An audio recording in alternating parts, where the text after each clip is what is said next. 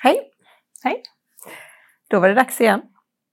Idag så har vi bjudit in eh, två personer från ett hemtjänstföretag. Mm. För att prata om eh, deras överrapportering och kvalitetsuppföljningar. Precis.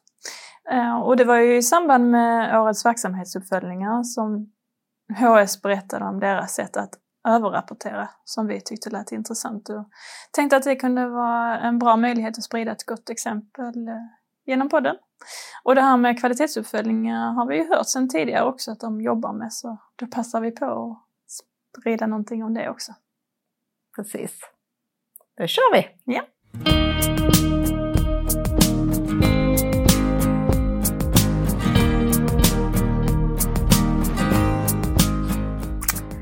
Ja, då hälsar jag er välkomna. Eh, ni kommer från HS Hemtjänst och eh, kommer att berätta lite för oss om eh, lite spännande arbetssätt som ni har. Och ni ska få presentera er själva. Tack så mycket. Frida Richter heter jag. Jag sitter som koordinator på HS Hemtjänst. Har gjort det nu i fyra, snart fem år. Mitt namn är Flamor Ftaho. Jag jobbar som kvalitetsundersköterska på HS Hemtjänst. Ehm, Men ni kan kalla mig för Flamman. Mm. Ja, vi är nyfikna på att höra hur ni gör med era sittningar ju. Och det är det vi brukar kalla för överrapporteringar. Mm. Så berätta gärna. Ja, eh, det vi brukar ha, att jag brukar ofta ha sittningarna på morgonen. Då eh, Flamman har det på eftermiddagarna och eh, mot till kvällen då. Och sen har vi på helgen har vi den som har jouren, har eh, rapporteringen. Eh, hur det går tillväga? Ja, vi samlar personalen klockan sju. De har det inplanerat på sitt schema mellan 5 till 10 minuter för eh, överrapportering. Och eh, då vi tar upp alltså information om föregående dag, om det har hänt någonting speciellt som vi bör tänka på till kommande dag eller om någon har blivit inlagd eller vad som har skett då, dagen innan. Eller om det är någonting under natten då nattpatrullen ringer till oss och rapporterar. Har vi. Och då utgår ni från dokumentationen i Lifecare. Ja, vi drar ut eh, det från Lifecap. Det gör vi då. Det är rätt. Hur kom ni på idén att ni skulle göra så här? Det var faktiskt eh, Karlskrona som började med dessa sittningarna innan pandemin. Jag tror det var 19 där. Eh, Så eh, de såg liksom en, eh, vad ska man säga, en säkerhet, en säkerhetsställa. Att ingenting missas. All information som framkommer. Var det. För ni gör också, förutom överrapporteringen så passar ni även på att, att ge lite annan information va? Mm. Det. Ja, det var ju också bra just under pandemin så var det ju också en, en säkerhet för oss. Och man var tvungen att växla upp lite och tänka på att, att inget ska missas så här nu. Och då vi påminner personalen om nästan allt det dagliga på morgonen. Då under pandemin så påminner vi om använd utrustningen rätt. Tänk på detta hos den kunden. Och, eller om det är någonting nytt, att någon har kanske fått någon ny medicinering. Alltså det kan vara vad som helst. Sen tycker jag även att det är bra, eh, för vi har så mycket eh, som vi kommer ihåg, men inte personalen ute, där vi påminner till exempel, det kan vara små saker som att det kan vara en försämring eh, hos en specifik kund eh, där vi kan påminna att eh, tänk på att eh, påminna om medicinen eh, som de inte i övrigt har hjälp med, som är också bra vid sittningarna. Mm. Har ni någon uppfattning vad de andra i personalgruppen tycker om detta arbetssättet? De känner ju en trygghet då de får ta del av informationen också. Eh, och sen är det ju för kunden också om man ska säkerställa att alla får reda på informationen som har hänt just den kunden. Så det är klart att det skapar en trygghet, det vet man ju också själv. Om jag skulle åka ut till någon kund och, och vet liksom detta som har hänt så känner jag mig trygg i min roll att gå in genom den dörren och se så att kunden får den bästa hjälpen. Mm. Så det är ju en trygghet. Något som vi har haft lite bekymmer med det är sånt som händer väldigt tidigt på dagen. Och hur det sen kan rapporteras på rätt sätt i natten. Mm. Har ni någon lösning på det? Alltså vi har ju, vi har faktiskt nästan nyligen tagit fram ett formulär då. Eh, informationsöverföring till nattpatrullen.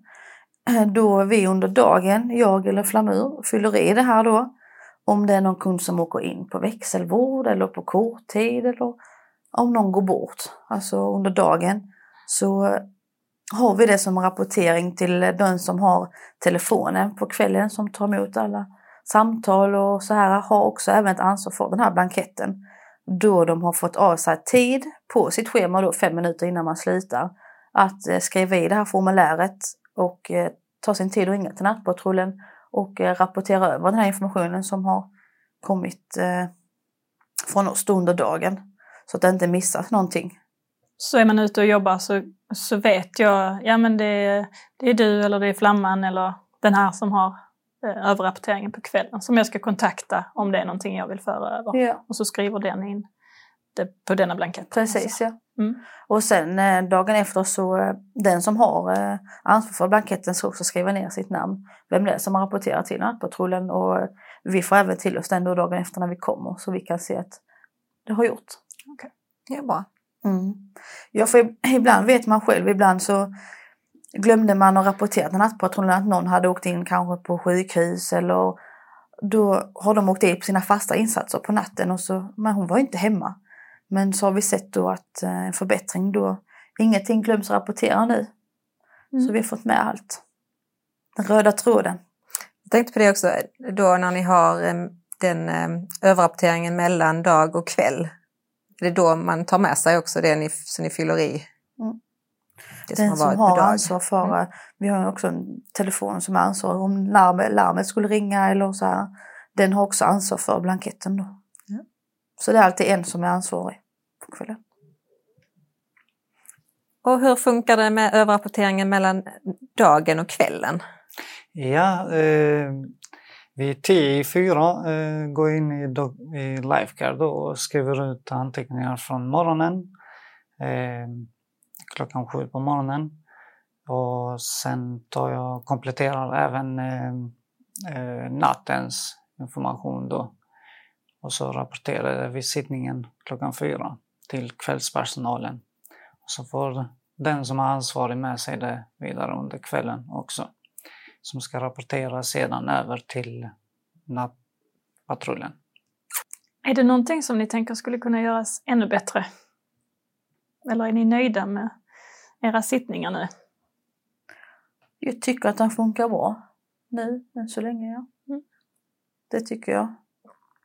Man får med helheten där, liksom att mycket med kunderna får man. Sen, eh, Så inga avvikelser nu på det överrapporteringen? hoppas vi. hoppas ni. Ja, det hoppas vi. Nej, men Att det jag... inte är avvikelser? Ja, menar precis. Att det inte blir något såklart. Ja. Ja. Nej, men vi ser en förbättring redan nu, bara på några veckor med den här, Ja. att det inte missas Ja, så mycket. kul. Jättekul att höra. Mm. Undrar vi någonting mer? Tror jag inte just kring det här. Är det någonting som ni vill tillägga? Nej, det är väl bra. Vi har nog fått med allt gällande sittningarna. Mm, tycker jag med. Stort tack för att ni ville dela med er. Tack själva. Visst var det kul att höra eh, hur de jobbar med det? Ja, men absolut. Mycket intressant. Sen finns det säkert jättemånga olika sätt att göra rätt på. Men detta är ju ändå ett exempel. Och har vi tur nu så är det någon annan som tänker så här när de lyssnar. Mm. Men vi, vi har ju också jättebra exempel. Ja. Och så bara hör ni av er till oss. Och vi tänkte ju eftersom inte avsnitten ska bli så långa så kommer vi dela upp detta i två delar. Så nästa avsnitt är alltså om kvalitetsuppföljningar.